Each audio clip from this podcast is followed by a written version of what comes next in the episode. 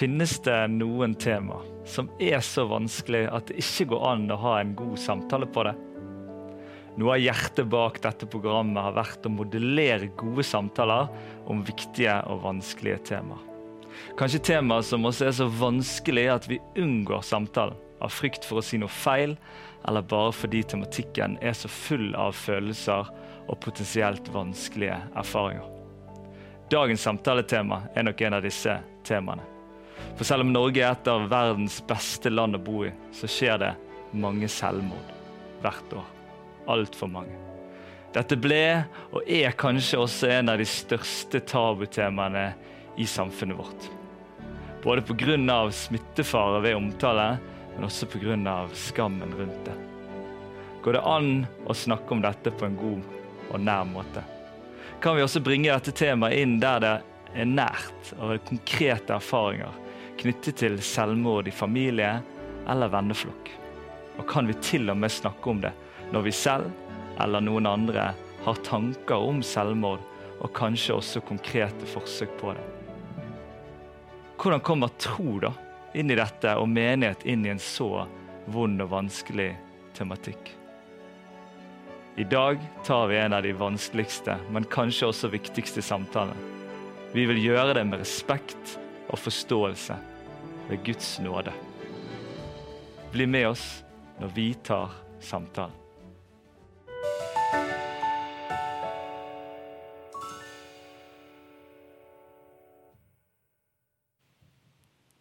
Hjertelig velkommen til samtalen, og velkommen her sammen med oss, du som sitter og ser på. Og velkommen til deg, Borghild. Tusen takk for at du kommer her og er sammen med oss. Her sitter du, og så er det rett og slett en historie av at du egentlig ikke skulle ha sittet her. Takk for at du tør å dele, orker å dele. Kan ikke du fortelle litt om, om din fortelling og det som du har vært igjennom? Ja. Um jeg har jo um, da forsøkt å uh, ta mitt eget liv. Uh, jeg har uh, hatt utviklet alvorlig psykisk sykdom når jeg var, allerede når jeg var tenåring. og jeg hadde ja, mange store belastninger som gjorde at jeg eh, både ble innlagt og eh, var veldig, veldig syk lenge. Eh, uh, og så uh, endte det med for min del at jeg Mens jeg da var innlagt, en dag fikk Altså overlevelsesinstinktet mitt stoppet å, å virke. Jeg hadde hatt det for tungt for lenge. og følte at jeg ikke hadde noen annen utvei enn å gjøre noe som kunne lindre det jeg eh, kjente på. Um, dette her resulterte i at jeg um, stakk av fra den avdelingen jeg var innlagt på, og gjorde et veldig alvorlig selvmordsforsøk. Eh, så når du sier at jeg ikke skulle vært her i dag, så eh, Ut ifra selvmordsforsøket mitt, så skulle jeg ikke det. Det var et potensielt sett 100 dødelig forsøk. Um, som allikevel ikke endte sånn. Mm. Fortell litt hva som skjedde. Ja, um, jeg var innlagt, som sagt, på Haukeland sykehus. Og um, stakk av fra avdelingen. Uh, og min uh, måte å håndtere at jeg uh, Det var nok. Det var å gjøre et forsøk som ikke var halvveis. og som òg for meg var det viktig å gjøre noe som der jeg ikke måtte lide. så jeg tok bussen ut til Askøybroen og klatret utenfor rekkverket. Jeg sto under et minutt. Eh, det er ikke noe poeng å stå og pine seg sjøl. Eh, og hoppet eh, vel vitende om at jeg ville møte døden. Men eh, så skjer det noe veldig Veldig spesielt og ekstraordinært. Eh, jeg våkner plutselig opp midt i havet, midt i sjøen. Eh, og er jo veldig desorientert, så jeg forstår jo ikke helt hvorfor at jeg ligger midt i sjøen. Mens etter hvert så begynner jeg å forstå eh, at jeg må ha overlevd fallet på et vis. Eh, og jeg kjente på det tidspunktet at jeg var ganske sint på Gud. Fordi at jeg tenkte her har jeg gjort noe 100% dødelig, og så eh, og så dør jeg ikke. Men samtidig så var jo det fremdeles en situasjon som var sånn at jeg tenkte at jeg ikke kom til å komme levende fra det likevel, for man blir jo veldig fort kald eh, i, i, midt i havet, og det går ganske fort før man er død. Um, så jeg slo meg til ro med at jeg kom til å dø ganske fort likevel. Um, men det som da skjer, eh, det er at et ungt kjærestepar, eh, som da eh, har vært og pusset opp leiligheten sin, men ble litt lei, de tok seg en båttur i stedet og satte da kurs under Askebroen og inn til byen. De finner meg helt tilfeldig i sjøen.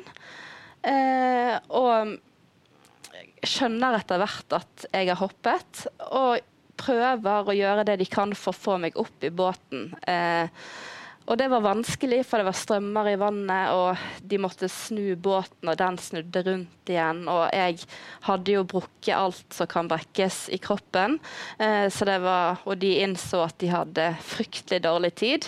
Jeg var, jeg var jo under 30 grader når jeg kom eh, inn til land. Eh, men de fikk meg opp i båten eh, og fikk kjørt meg inn til Sakariasbryggen, der ambulanse ventet. Og så eh, har jeg da sluknet på et eller annet tidspunkt på vei til sykehuset. Um, Hvor gammel ja. er du da dette skjer? Da er jeg 20 år gammel. 20 år gammel. Ja. Så kommer jeg da inn på Haukeland sykehus med um, altså Omtrent alt jeg hadde i kroppen, var, var brukket, men òg et alvorlig brudd i ryggen, der legene fryktet at jeg ville bli lam. Og jeg hadde lunger som var 100 ødelagt. Eh, så jeg ble lagt i respirator, og sjansene per da for at jeg altså, ville overleve, var ganske små. Men jeg var kommet til sykehus, og, eh, men utsiktene var ikke, ikke så veldig gode. Mm. Nei. Men du er ved bevissthet her? Eh, um, jeg var halvveis ved bevissthet fram til, eh, til um, jeg kom inn i, altså, i ambulansen. Så gjennom den på en måte kalde redningsaksjonen da, som mm. dette unge paret da plutselig kom over, eh, så, og, og, hadde, så var jeg halvveis ja, ja. bevissthet. Men, men, jeg har sluknet på, på vei til sykehuset, da. Mm. Så jeg husker det sånn vagt, på en måte. Ja. Mm. Og så går du allikevel, selv om du overlever, inn i noen vanskelige år videre. Ja. Um, jeg hadde jo allerede hatt en stor sum av belastninger, og mm.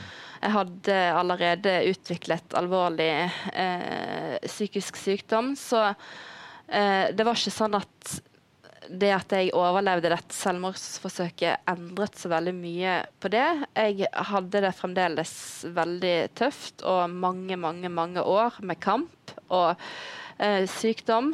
Um, men det var likevel et eller annet som eh, endret seg den dagen i forhold til at jeg jeg begynte å skjønne at eh, det er ikke altså, alt i livet som trenger å være perfekt eller fullkomment for at livet skal være verdt å leve.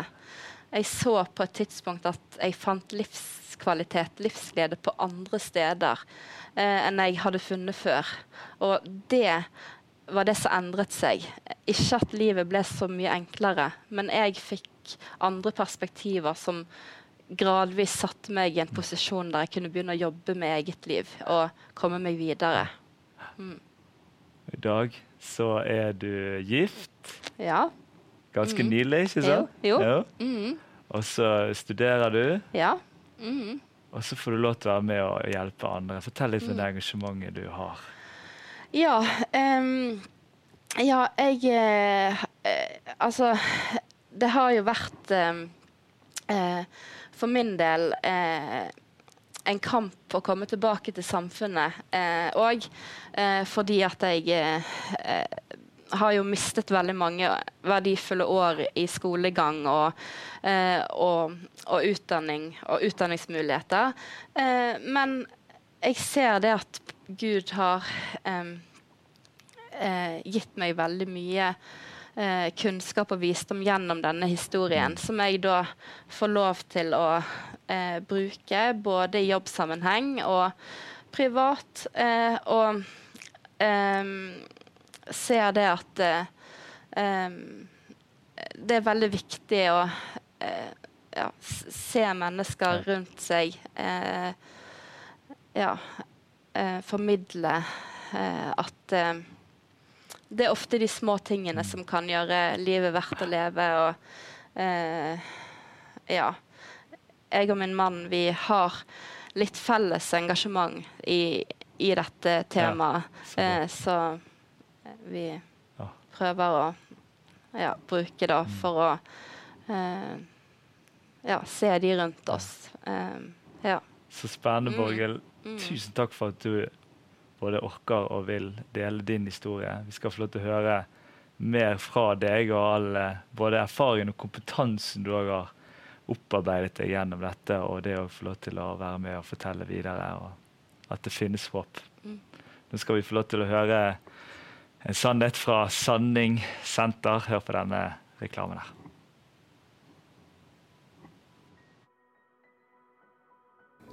Når håpløsheten og sorgen banker på vår dør, så blir vi satt på prøve på mange områder. Vi kan undre oss over hvorfor noen går gjennom livet nærmest uten noe motgang, men hos andre så avløser den ene prøvelsen den andre. Livet er ikke rettferdig. Og vi vet at her på jorden så er vi ikke blitt lova et liv uten motgang. Men hvordan kan vi forholde oss til Gud i vår nød? Det vi vet, det er at Gud tåler at vi roper ut vår nød og klager til Han. Husk bare på jobb i Bibelen. Jesus som sjøl var prøvd i alle ting, han vet om deg, han ser deg og har omsorg for deg i din situasjon. Det står i Romerne 8. For jeg er viss på at verken død eller liv, verken engler eller krefter, verken det som kommer eller noen makt, verken det som er i det høye eller i det dype, eller noen annen skapning, skal kunne skille oss fra Guds kjærlighet i Kristus Jesus, vår Herre.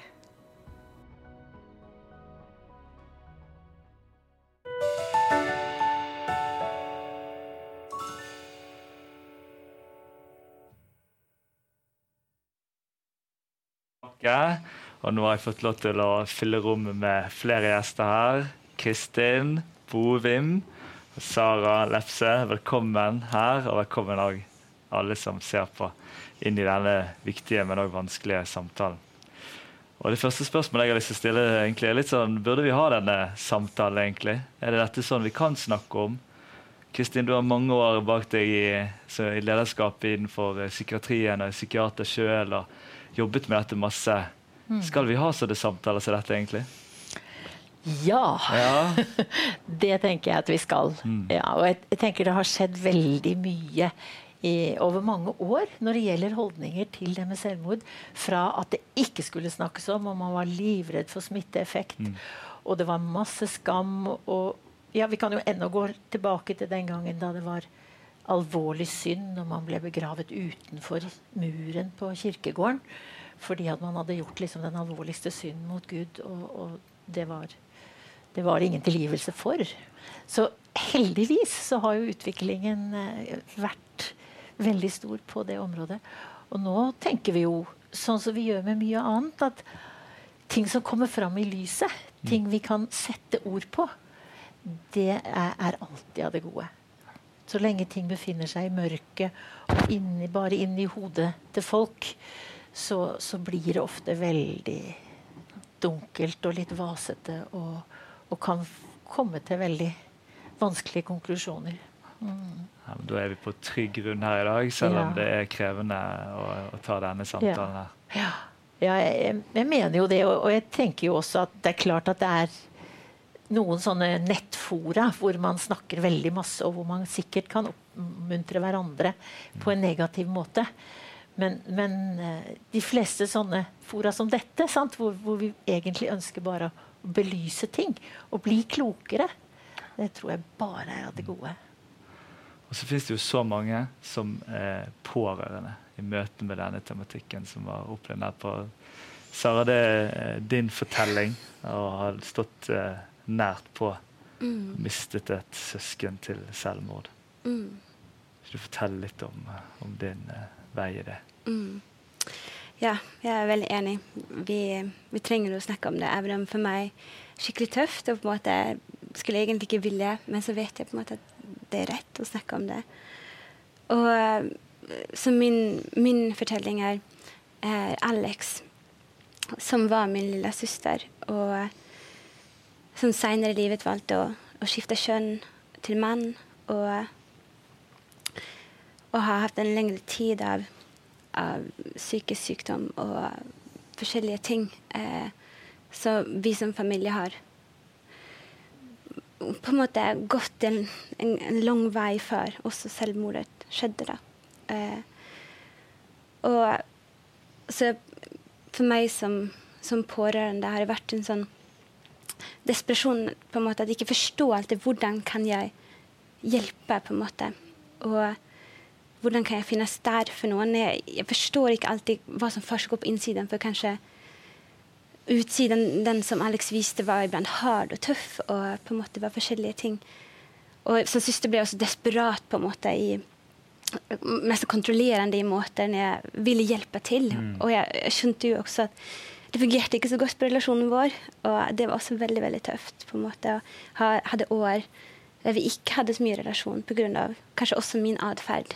Hvordan jeg klarte ikke å være en god søster, for jeg forsto ikke hvordan jeg kunne hjelpe. Min desperasjon var bare å hjelpe, men det var ikke lett å forstå hvordan. Mm. Eh, og det var ikke alltid kanskje rom eller tillatelse for det heller. Og, og, det som skjedde da, var for fire år siden eh, og med Belander, han eller hun, så er det for en del av en større fortelling. Og jeg kjente Alex mest som min lille søster. men med all respekt for Alex, så, så som Det som skjedde da for fire år siden, var at, at uh, etter mange år uten å ha hatt kontakt, så plutselig fikk vi en, en kontakt igjen. Og Alex åpna hjertet for meg og min mann og våre barn. Og vi opplevde den gjenopprettelsen, som var helt fantastisk. og det også på en ba om tilgivelse. og det var Jeg kunne bare se at det skjedde veldig veldig positive ting i livet til Alex. så Derfor tenkte jeg at nå skjer det. Nå mm. vender alt. Nå, nå, liksom, mm. nå får vi Alex tilbake, og vi har relasjoner, og alt var liksom der. Så når det to måneder senere fikk jeg telefon fra mamma at Alex var forsvunnet, så, så var det bare for meg så fjernt. For for meg var allting bedre nå. Og etter så mange år. Eh, av psykiske kamper og sånne ting, så tenkte jeg nå, nå blir ting bra. For det var så mye bra samtidig som skjedde i livet til Alex. Og det var den kampen. Og, og så, så, jeg ville ikke tro på det. For meg var det bare Nei, Alex har gjemt seg, liksom. Reist vekk. Hva som helst. Og jeg levde den sånn fornektelsen, og det gikk mange dager av offentlig på en måte etterlysning og, og søk. Og det var på en måte også, Det vakre midt i det, det var at vi kunne ikke gjemme oss med det som hadde skjedd, for det var jo offentlig. Mm. Og, og, da strømmer det mennesker til og vandrer i skogene og på en måte bare var til stede i livene våre. Jeg var ikke der, for jeg passa barna hjemme i Norge, men, men med mine foreldre og mine søsken som, som, var med i søket, og alle de menneskene som vi så bare Hvor høyt de elsket oss, hvor høyt de elsket Alex. For det også var en sånn helbredelse midt inne i mm. alt det vanskelige. Men så var det vanskelig, for jeg helt inn håper det. Jeg håper, håper at nå, nå finner Alex. Og det, er alltid en, det er alltid en løsning. Det er alltid en liksom, Det løser seg. Det blir bra, på en måte. Mm. Og når jeg vel innsett det, det som ingen Alle, frykter det skjedde, at Alex hadde tatt sitt liv, så, så var det på en måte sånn håp som bare døde for mm. meg. Det var sånn, Å måtte bare våkne til den virkeligheten. Og det var veldig, veldig tøft. Mm. Og på en måte se at liksom, Hvor har jeg håp nå? Mm. Når, når Alex faktisk tok sitt liv. Mm. Og vi måtte på en måte bare innse at det var sånn. Det skjedde. Og så får så mange ganger spørsmål hvorfor, eller hvordan, hva kunne vi gjort? Liksom? Og de, Vi var familien. Liksom, den skammen liksom, Vi som familie klarte ikke å på en måte hjelpe vår, vår eget søsken, på en måte. Mm. Og, og det var liksom kanskje også midt i det der så mange blandede følelser. Både av tap og savn og sinne og skam. Og på en måte og på en måte at alle de tingene kanskje kom i omganger og inn i på en måte alt dette. Eh, så det opplevelsen sende en reise Jeg har også ved Guds hjelp på en måte fått hjelp å sortere på en måte hvordan jeg skal klare å forholde meg til det. Mm. Og så har du, eh, Kristin har møtt så mange sant, gjennom arbeidssituasjoner og hele avdelinger som, som, blir preget av at nå har det skjedd noe. Det, det, det er mange pårørende mm. på en måte i mange forskjellige men jeg vet, å, å mm. stå i det og, og, møte mennesker som enten da har mistet noen, eller òg i arbeidssituasjoner og den de delene. Ja, nei, det, er, det er mange forskjellige deler av det der. Jeg husker jo første gangen jeg følte at jeg mistet en pasient som, som jeg hadde veldig nær kontakt med. Uh, og var den siste som så, før han gikk ut og også hoppet fra en bro uh, og døde. Uh, og det var en sånn skjellsettende opplevelse for meg som ung psykiater som skulle prøve å jobbe med dette videre i, i livet mitt.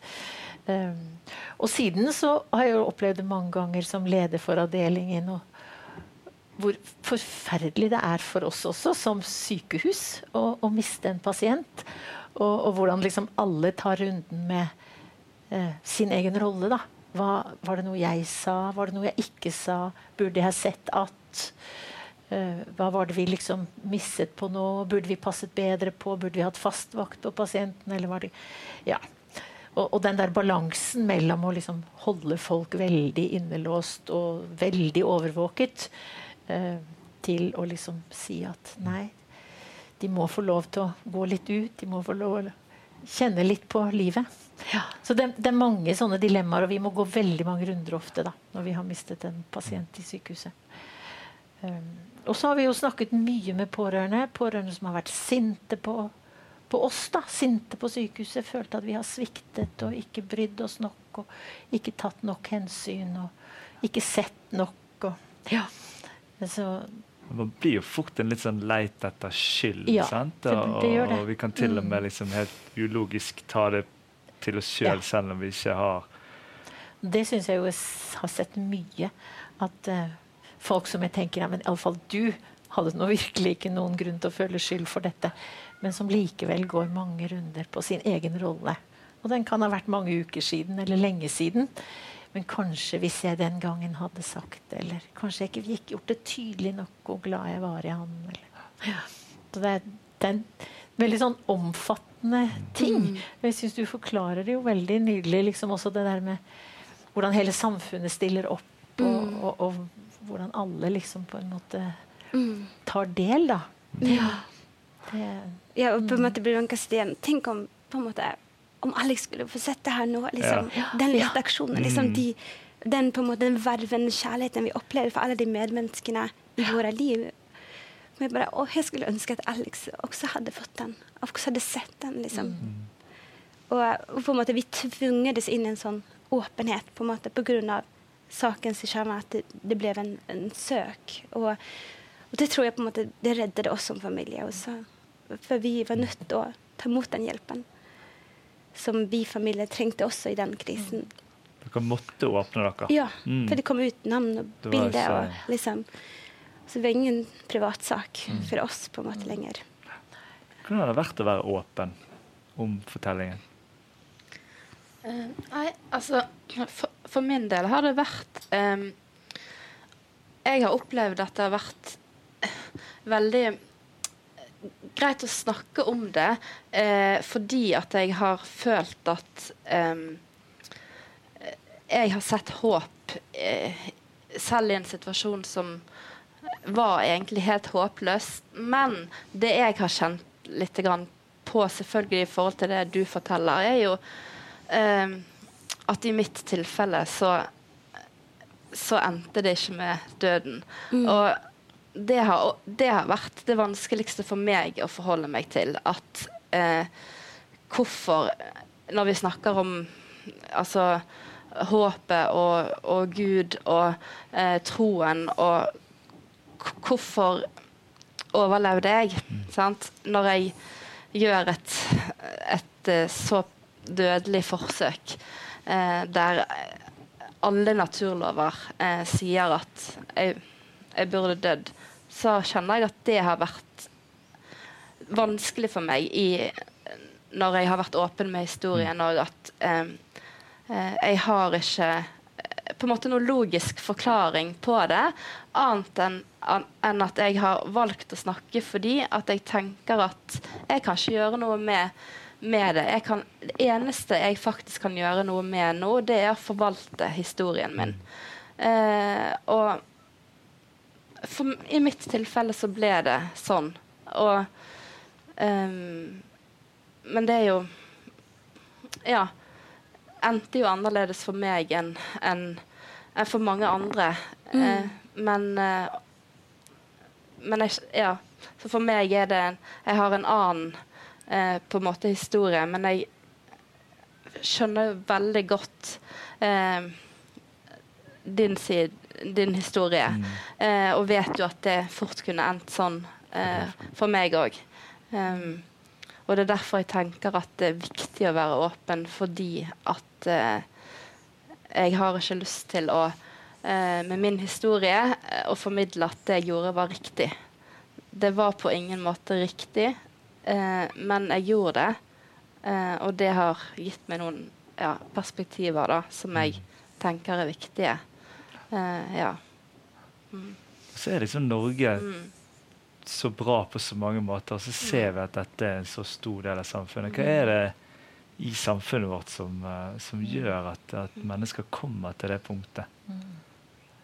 Jeg tror ja, en, en, en, av de kanskje ja, mest uh, logiske forklaringene er at Norge i dag er veldig profesjonalisert. At eh, det er et samfunn som er lagt opp for eh, de som har alle ressursene tilgjengelig. Da. Eh, og sant, jeg, jeg, hadde et litt sånn Google-søk at eh, i løpet av de siste 20 årene så er det hvert år nesten 30 som dropper ut av videregående opplæring i Norge. Og samfunnet vårt er sånn i dag at eh, det er så profesjonalisert at det er vanskelig å eh, skape seg egentlig en samfunnsdeltakelse med lønn og jobb hvis du, hvis du eh, ikke får utdanning. Og når så mange dropper ut, mm. og samfunnet på en måte da krever veldig mye som mange faktisk ikke har, så er det veldig lett å havne utenfor.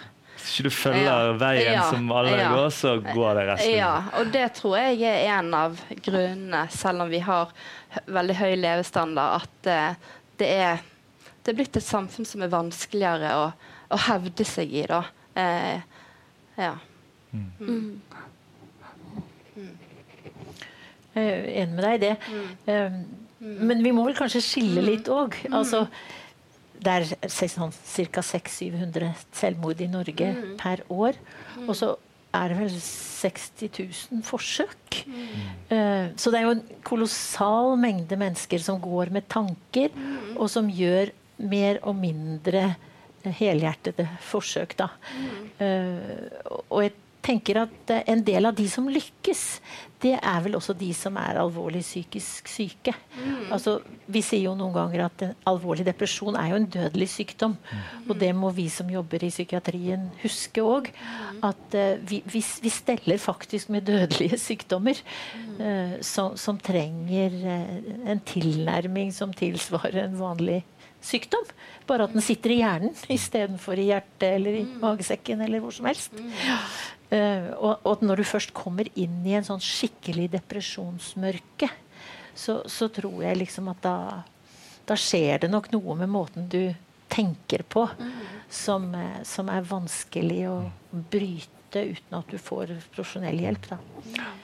Men så er det alle de andre. Sant? Alle de som, som strever, og som, ja, som du sier, som faller utenfor. Som begynner med rus, og som møter veggen på forskjellige måter. Og så er det alle de som er, har vært utsatt for misbruk i tidlig i livet sitt, og som har fått en sånn grunnskade i personligheten sin som gjør at de liksom aldri helt får tilbake troa på seg sjøl.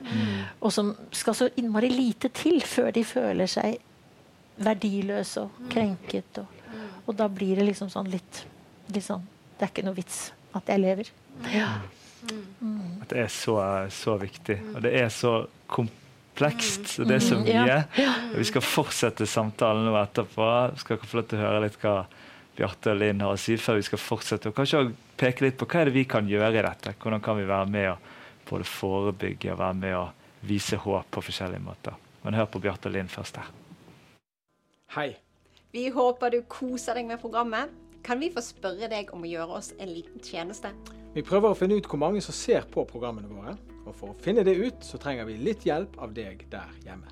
Og hvis du vil hjelpe oss, så er du med i en spennende trekning. Hør bare her.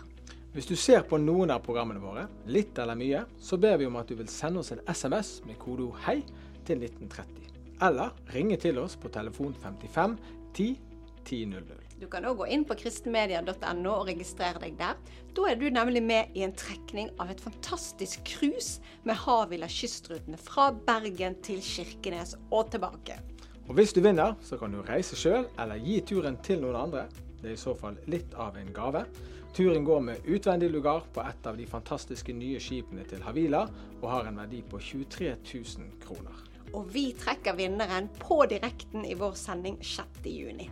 Du kan enten sende oss en SMS, ringe oss eller registrere deg inne på kristenmedia.no, og du trenger bare gjøre det én gang. Og hvis du gjør en av de tingene, så er du samtidig med i trekningen av den fine turen langs norskekysten. Vi vil så gjerne vite at du er der ute. Hvor mange er det egentlig som ser på programmene våre? Og For å finne ut av dette, så drar vi altså i gang denne trekningen for å høre fra deg. Det koster selvfølgelig ingenting å være med, og vi gjør det så enkelt som vi kan for deg. Alt du trenger å gjøre, er enten å sende oss en SMS med kodeord 'hei' til 1930, eller ringe til oss på 5510 1000, eller gå inn på kristenmedia.no. Vi gleder oss til å høre ifra deg. Kos deg videre med programmet.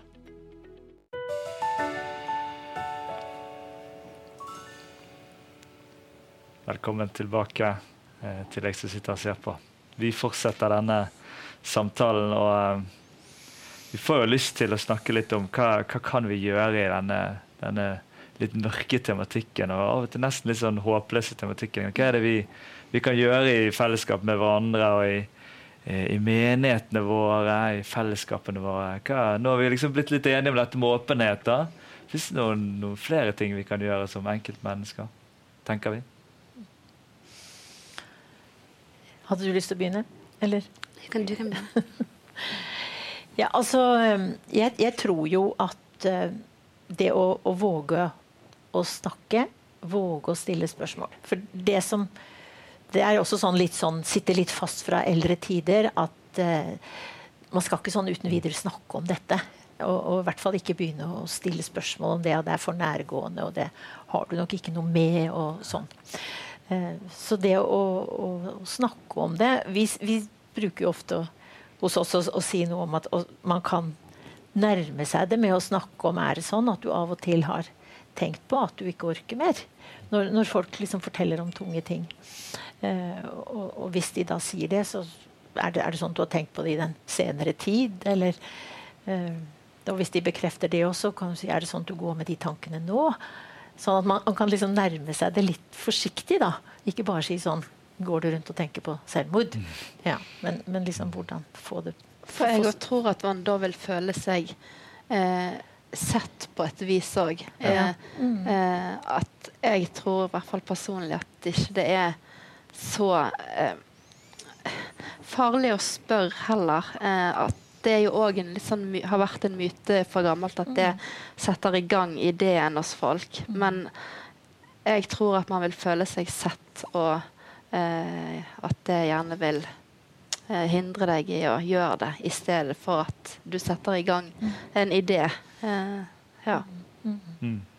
Men det er jo òg ja. et sårbart eh, ja, punkt. Og, ja. Jeg kjenner jo liksom personlig på en ganske stor terskel av å Mm. bringe det inn i en samtale. Mm. Både i kjælesørgerrommet som pastor, og, og, men òg i venner Mm. og familie. Sant? Det, det er jo helt klart det er mange skjebner og mange vanskelige ting. og man Mm. sitter jo med sitt utgangspunkt eh, og kan ikke alltid leve seg inn i, men man skjønner nå er det skikkelig tøft. liksom. Mm. Eh, men faktisk det å konkret tørre å bringe det inn. For det, det er kanskje ikke så lett når man bærer på det sjøl. Eller jeg ville tenkt det at det er litt sånn terskel for deg sjøl å, å bringe fram at jeg går med disse tankene.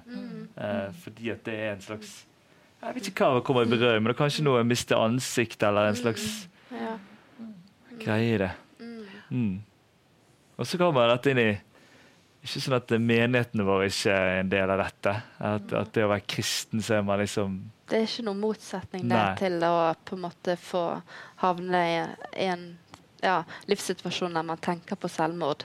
Og det er veldig viktig å snakke om tenker jeg, i menigheter. Kommer inn i Ja. det perspektivet òg. Ja. Uh, mm. Hvordan troen liksom midt inni dette sa her er liksom, Dette er en du har bedt for og stått sammen med. og så Fortell litt om troserfaringen din i dette, både på, på godt og vondt. Mm. Ja, det er i hvert fall på en måte en stor bit for meg. Og eh, som du sier, så har jeg bedt veldig mye, på en måte. Og da mist, på en måte opplevde at, at Alex dør likevel. Det var for meg en sånn Jeg måtte bare gå til Gud og bare liksom, Du sviktet meg. og Du sviktet min familie. Og hvordan kunne du, liksom? Og jeg trodde du skulle holde familien i dine hender. Og for meg på en måte ble det sånn Det stelte min tro på en måte på, på, på en måte, Jeg måtte bare legge det på alteret til Gud og bare Jeg skjønner ikke det her. Og jeg bare innså at det håpet jeg hadde, var så knyttet oss til at OK, nå Alex skal bli frisk. Alle skal, alt skal bli bra igjen, på en måte. Og nå, på denne måten jeg har tenkt det, liksom. Og, og så ble det på en måte Når det også døde, eh, når Alex døde det ble sånn Hva er det håpet nå? Og det var da jeg måtte liksom jeg, jeg måtte bare, Gud måtte bare ta meg på en reise Jeg måtte bare vise meg på en måte håpet inn i evigheten. Og det håpet som han gav oss når, når han overvant døden. Og det har jeg hørt så mange ganger, men aldri erfart på den måten jeg måtte erfare da. At der må mitt håp være nå. For her har jeg det ikke. Og, og det var på en måte så Mitt hjerte bare på en måte brast inn i det, men jeg fikk oppleve også Guds trøst i det. I det håpet. Om evigheten. Om at han er oppstandelsen og livet, og hver den som tror på han, skal, om den så en dag, skal få leve. Og for meg var det sånn Det er mitt håp. Og når jeg døde var faktum, så var han håpet mitt. Og for meg ble det også på en måte at, at Gud på en måte svarte meg bare Du svikter det løftet ditt om å holde familien min hånd. Så prøvde jeg at Gud svarte Jeg holdt mitt løfte. Mm. Og det ga meg et perspektiv som var mer enn en livet her og nå. Og, og det brakte trøst. Også det mørket som jeg da fikk erfare. på en måte, Hvor var du, Gud? Hvor var du, Gud? Og jeg hadde en sånn, jeg gikk og ba om dagen, så gikk jeg inn i sånn den mørkeste skogen, og dit solen ikke nådde, der mosen vokste overalt. Og jeg tenkte her er den mørkeste plass. I den mørkeste natt der ingen mennesker ser. Der går du, Gud. Der er du sammen med oss. Det er veldig viktig det du sier. For selv om jeg har en annen historie, så har jeg, jeg stått i mørket, jeg òg. Eh, og jeg var jo Altså, f- min Altså, jeg visste jo at jeg kom til å dø. Det var ikke sånn at jeg tenkte at eh, ja, kanskje det skjer et eller annet eh, veldig ekstraordinært her. Sant? Jeg, jeg sto jo rett foran døden òg, og har vært, vært i situasjonen der alt er mørkt, og alt er bunnløst, alt er fortvilelse, alt er lidelse. Eh, og sett at eh, dette med Guds løfter, sant? Eh, de står egentlig fast uansett hvordan man eh, hva, Hvor man befinner seg. Eh, så har jeg òg tenkt på det, sant, at det står i Bibelen at uh, Gud ikke Eller vil gi, deg gi oss større uh, byrder enn vi kan bære. Og det har jeg òg tenkt på sant, i forhold til uh, Alex og meg sjøl at hva med det løftet når vi mm. kommer til et punkt der vi ikke kan bære det lenger? Men, men, jeg tenker at det er det er viktig å se, eh, se større Altså se at Gud eh, er større enn oss, og Gud har et håp for oss, selv om det virker mørkt for oss her. Mm. Eh, og at han ja. tåler at ja. vi kommer til ham med ja. både sinne mm, mm, og frustrasjon. Jeg synes Det er noe av det sterkeste når du forteller, Sara, det at du du gikk til Gud med det. Mm. Veldig manges respons vil jo være å, å da si mm. nå er jeg ferdig med det, Gud, fordi at du mm. har sviktet meg. Ja. Og Det der er iallfall sånn åpenbaring, liksom, mm. opplevelse av å se mer av at Gud Oi, han tåler jo virkelig. Bibelen er jo full av eh, til og med en mm. bok om klage, der mennesket får lov til å rope ut i sin, sin nød. Både når man står i det sjøl, men òg på vegne av, av andre mennesker. Kanskje være litt sånn ydmyk i forhold til at vi jo, vet jo ikke uh, hvordan Gud har tenkt om det enkelte mm. mennesket. Jeg, liksom, uh, trøst, jeg syns det er så, mm. måtte være så forferdelig å leve i den tiden mm. da, da selvmord var, var, sånn alvorlig synd. Hvordan skulle du da liksom leve videre som pårørende og tenke at din kjære var fortapt? Jeg hadde en venninne som mistet faren sin det er mange år siden da, i selvmord. og og hun sa hun fant veldig trøst i det at hun tenkte at Gud hadde vært der. Mm. Og at Gud bar han mm. også da, når yeah. han valgte å dø. Mm. Og, og, og, bar han hjem til seg. Mm. Og at det som var vondest for henne, var at hun savna han så fælt. Mm. Og at hun følte så sterkt på at det var så trist at han var borte. Mm. Men, men, at han kanskje hadde det bedre. At det ble en trøst for henne i alle fall. Uh, for av og til er jo livet så tungt. Og det må jeg jo si jeg har sittet med pasienter og tenkt at av og til er livet så tungt ja. at du kan på en måte forstå at det nesten ikke er til å bære. ja. ja. Men likevel så gjør vi jo alt vi kan, for, fordi vi vet at det snur. Og vi vet at det kommer andre dager. Ja. Mm. Mm. Hvis, en bare, det, hvis, en bare, gir det tid og ja, rom og mulighet. Mm. Og jeg tenker av sånne som deg, som du sa det så nydelig i stad, dette med at jeg må forvalte den gaven jeg fikk ved å overleve. Mm. Altså, denne overlevelsesskylden kan man jo liksom har man jo mange som strever med. Mm. Men at du tenker at det mm. var en, en gave du må forvalte, og at du forvalter den ved å, å, bruke den aktivt. Og det tenker jeg nok at det er det vi ser nesten aller mest nytte av i psykiatrien også. Det er jo disse som, som forvalter sin tilfriskning som såkalt erfaringskonsulenter, altså jobber inn i psykiatrien mm. med å dele den erfaringen, og som sier at vår viktigste oppgave er å være håpsbærere. Mm. Bærere av håpet. Være et levende eksempel på at det går an mm. å forandre At livet forandrer seg. Ja, for psykisk sykdom og sånn, det er jo veldig sånn tett forbundet med eh, at det ikke er håp. sant? Eh, det er det er veldig mange tanker man får med en gang hvis man blir alvorlig psykisk syk. og det, eh, det er derfor jeg tenker det er veldig viktig å formidle det håpet. Mm. Eh, jeg tenker i forhold til sånn eh, hva man kan gjøre altså i relasjoner og altså i forhold til hverandre òg, så tenker jeg at hvert fall et viktig stikkord er nestekjærlighet. Sant? å bry seg. Ikke nødvendigvis finne løsninger på alle problemer, men bry seg. Ja. Eh, ta en telefon, gjør de små tingene. La den andre få ha det vanskelig sammen med deg. Mm. Det tenker jeg òg er eh, en viktig eh, måte å se det på. Jeg har veldig lyst sant, noen ganger å mm. bare liksom si ja, men ja. det, det fins håp. eller det der. Ja. Jeg jobber litt med det og tenker at ja, men jeg skal bekrefte at du har det vanskelig. Ja. Jeg ser at du har det vanskelig. Og så mm. samtidig være en sånn mm. håpsbærer av å si mm. Mm. ja, men se, det er noe lys her. Det er noe lys i enden av tunnelen. så ofte blir det bildet. Og det gjør, vi, kan man ofte på en måte vise med de små tingene. Med å være der, med å ikke eh, på en måte slutte å være interessert, eh, med, selv om den andre gjerne eh, får det vanskeligere og vanskeligere. sant? Eh, på en måte bekrefte at eh, Eh, at personen er den samme for deg uansett. Og det er ofte de små tingene der som til slutt kan på en måte eh, endre, mm. endre, måten de tenker på. Jeg tror det er viktig å komme litt sånn Være bevisst på det at man ikke skal eh, løse alt til enhver tid. Mm. mm. Det er så mye mer i den samtalen, mm. men nå eh, mm. nærmer vi oss slutten her, og vi skal få lov til å gå inn i Guds ord og høre en andakt av Anne Anne Kari Solberg. Så nå kan du få lov til å høre den andakten, så skal vi avslutte her etterpå.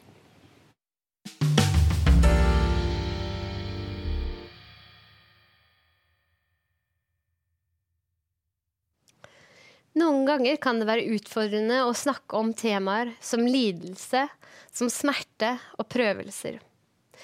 Dødsskyggens dal. Men vi går alle gjennom det.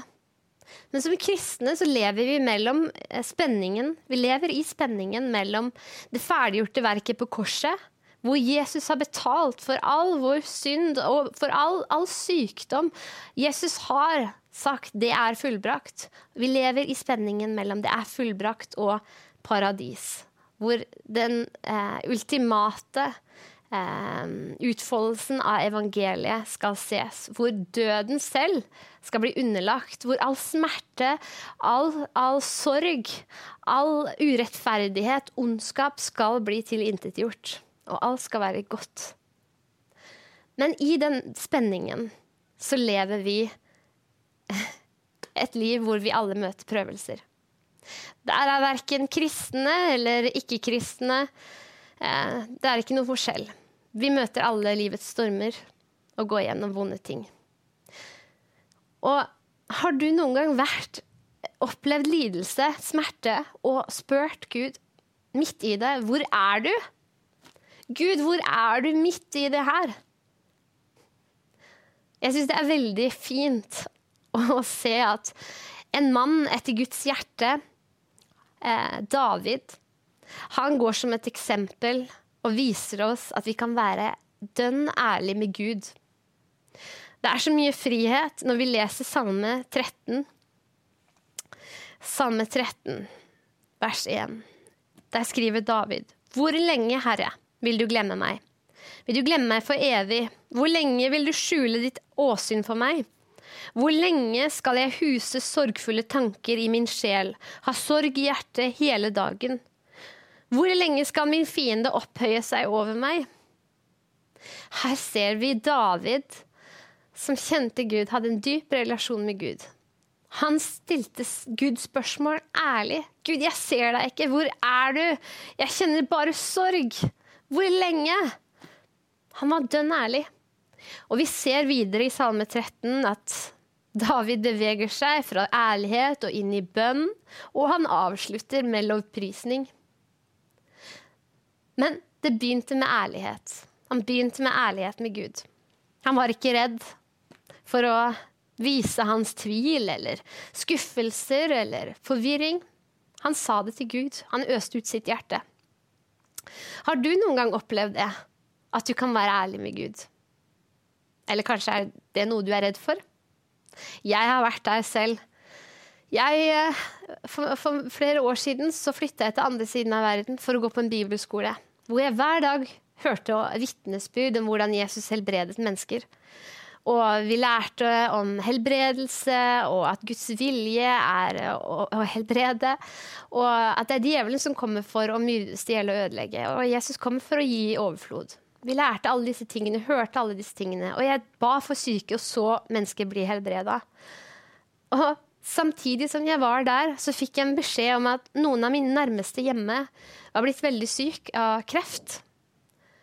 Og min respons var da å gjøre det rette.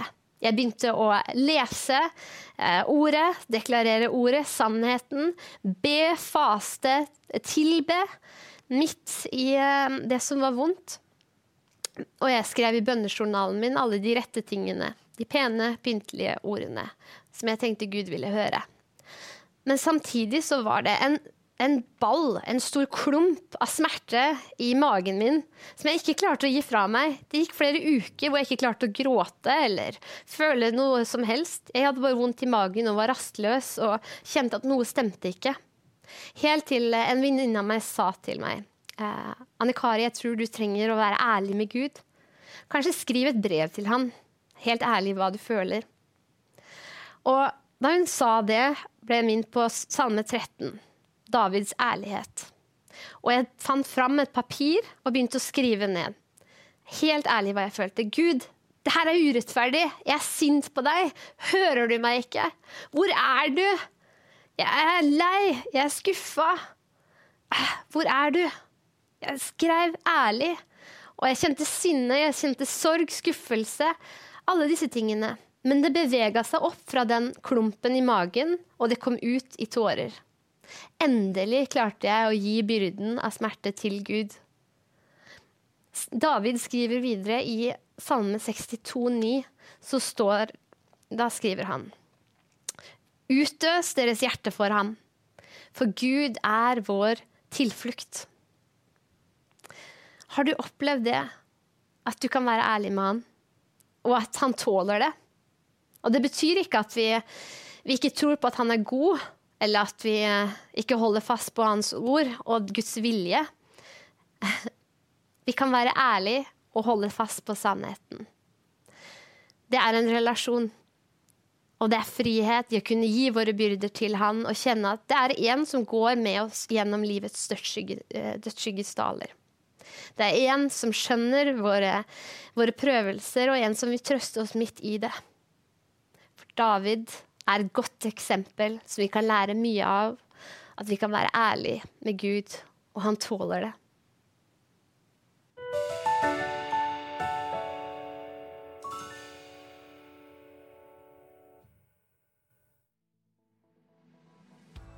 Det er en stor glede å kunne ønske deg velkommen til et nytt Oslo Symposium, det syvende i rekken. Datoene er 18. og 19. august i år. Og når vi startet med Oslo Symposium i 2011, så drømte vi om at dette skulle bli noe varig, skulle bety mye for folk i den kristne bevegelsen. I dag kan vi glede oss over at Oslo Symposium er blitt den viktigste arenaen for kristne som vil at vi skal ha en stemme inn i samfunnet. Og så er det blitt en folkefest der vi kommer sammen fra hele landet i hovedstaden. Du er velkommen til Oslo 18. og 19. august til to inspirerende dager sammen med landets fremste politikere, kristne ledere og kristne samfunnsdebattanter. Vi trenger hverandre for å løfte hverandre opp i denne tiden. Og når vi kommer sammen på Oslo Symposium, så er det det som skjer. Vi løfter hverandre opp i troen på at Norge fortsatt skal være et kristent land med korset i flagget, som velsigner Israel, som tar vare på de ufødte barna, som sier ja til frihet for kristne skoler, og menigheter og organisasjoner og som verdsetter vår tusenårige kristne arv. Det beste vi kan gi videre til neste generasjon. Du kan tro vi gleder oss til Oslo Symposium 2023, og håper å være sammen med deg der. Sett av datoene 18. og 19. august. Vi ses i Oslo.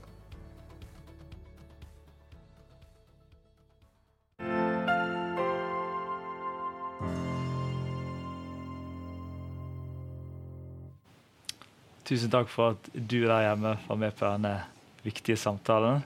Og tusen takk til dere som var med her og går foran og deler eh, av både erfaring og kunnskap. Så viktig. Vår bønn er at denne samtalen kan være med å skape åpenhet rundt dette, denne tematikken. Vi kan få lov til å være med å både forebygge disse tingene, men òg kunne være med å hjelpe hverandre, se hverandre inn i denne situasjonen. At denne skammen eller det som gjør at det holdes skjult, kan få lov til å bæres fram i lyset og både møte hverandres nådes øyne, men av Guds nådes øyne. At vi kan hjelpe hverandre, og ikke minst minne hverandre på at det finnes alltid håp. Og vi som tror, vi tror på verdens håp, Jesus Kristus. Da er det alltid håp. Takk for at du var med. Og vi ses igjen neste uke.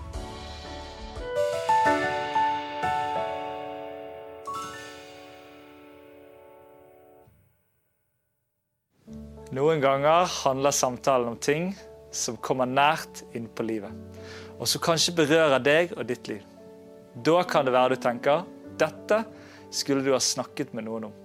Det finnes heldigvis noen som kan hjelpe deg, og her kommer en liste med trygge kristne samtaletjenester rundt om i landet, som gjerne tar imot deg og ditt behov.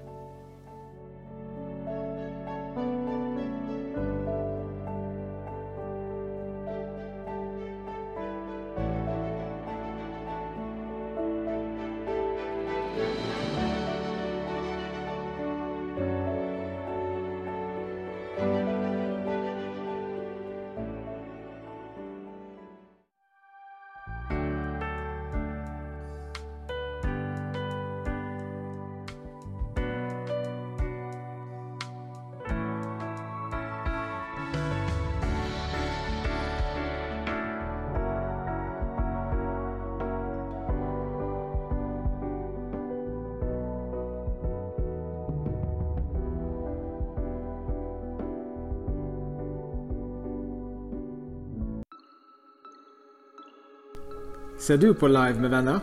Det burde du.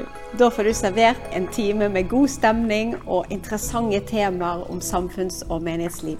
Og ikke minst trosstyrkede refleksjoner fra Bibelen. Det hører også med. Du er så velkommen til å henge med oss på tirsdager klokken ti. Live med venner sendes på Facebook, på Kanal 10 og på Bedehuskanalen. Da ses vi på tirsdagene.